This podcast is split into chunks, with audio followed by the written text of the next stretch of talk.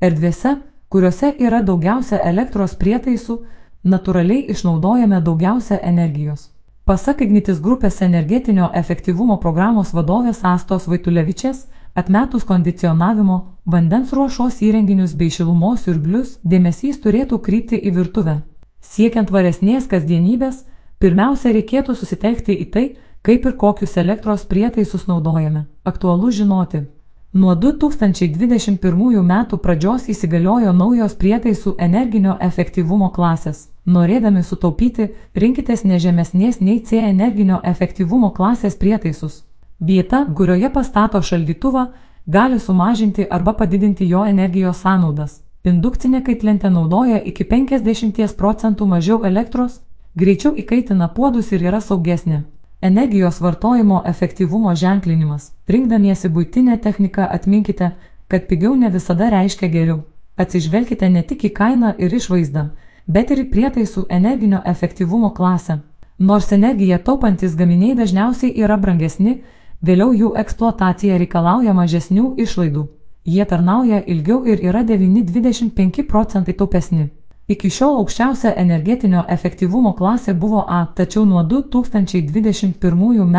kovo 1 dienos tam tikros prietaisų grupės šaldytuvai ir šaldikliai, indaplovės, skalbyklės, televizoriai, elektros lemputės ir šviestuvai buvo pradėto ženklinti nauja etikete kurioje klasės yra nurodomos skalėje nuo iki G etiketėse taip pat atsirado QR kodas, kurį nuskenavęs vartotojas apie produktą gali gauti papildomą informaciją.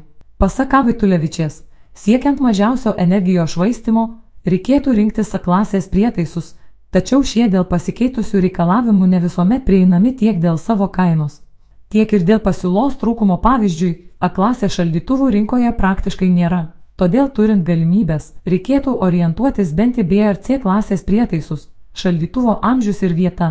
Daugiausia energijos virtuvėje sunaudoja čia be perstojo veikiantis šaldytuvas, taigi jo energinė klasė ir amžius gali turėti pakankamai reikšmingos įtakos metiniam elektros suvartojimui namuose.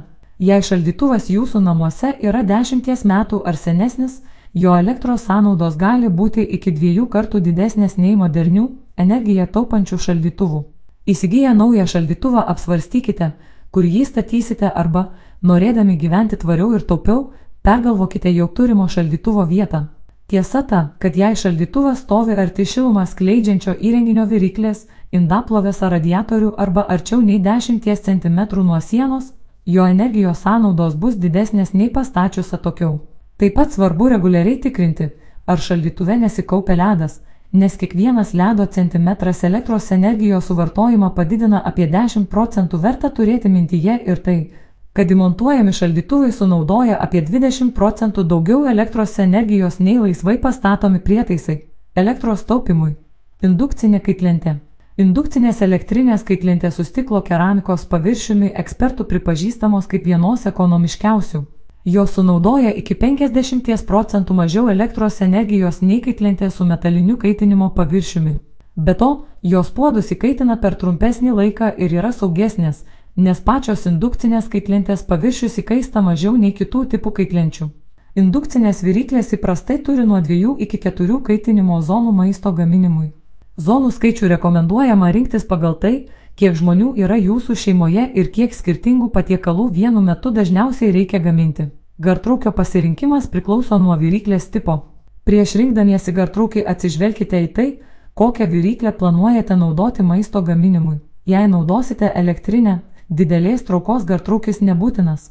Pakanka ir 200 kubinių metrų VL galingumo.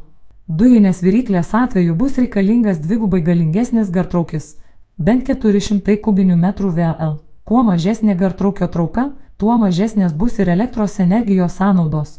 Elektros energijos sąnaudoms įtakos turi ir prietaiso padėtis. Optimalus gartraukio montavimo aukštis yra 60 cm nuo elektrinės ir iki 75 cm nuo dujinės kaitlentės paviršiaus.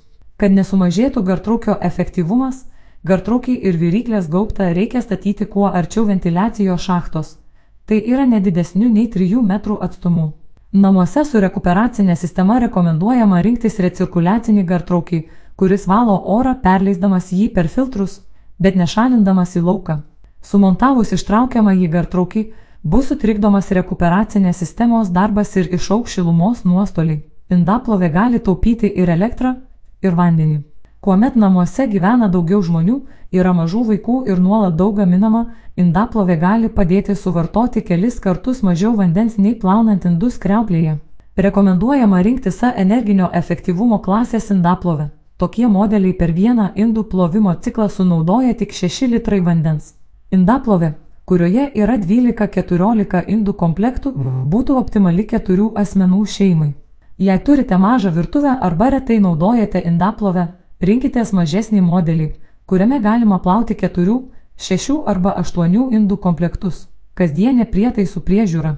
Pasak Vaitulevičias, norėdami užtikrinti, kad elektronikos prietaisai tarnaus ilgai ir bus tokie pat efektyvūs kaip ir tą dieną, kai buvo įsigyti, reikėtų nepamiršti jų reguliariai prižiūrėti ir valyti. Virtuvėje labai svarbi būtinės technikos priežiūra. Kuo švaresnis kaitlentės paviršius, švarūs keptuvių ir puodų dugnai, tuo didesnis pasiekiamas skaitimo intensyvumas. Tai reiškia, kad norimą rezultatą pasiekiame per trumpesnį laiką, o tuo pačiu sumažiname energijos sąnaudas. Tas pats galioja ir orkaitėjai sako Ignitis energetinio efektyvumo programos vadovė.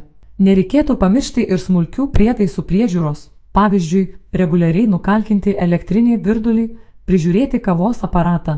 Pasak Vaitulevičias, Velykos ir Kalėdos, kada imamės generalinio namų valymo, gali būti geras laikas metuose energinio efektyvumo prasme, o elektros energijos padės sutaupyti ne tik tinkamai prižiūrimi prietaisai, bet ir nuvalyti šviestuvų gaubtai ar lempos.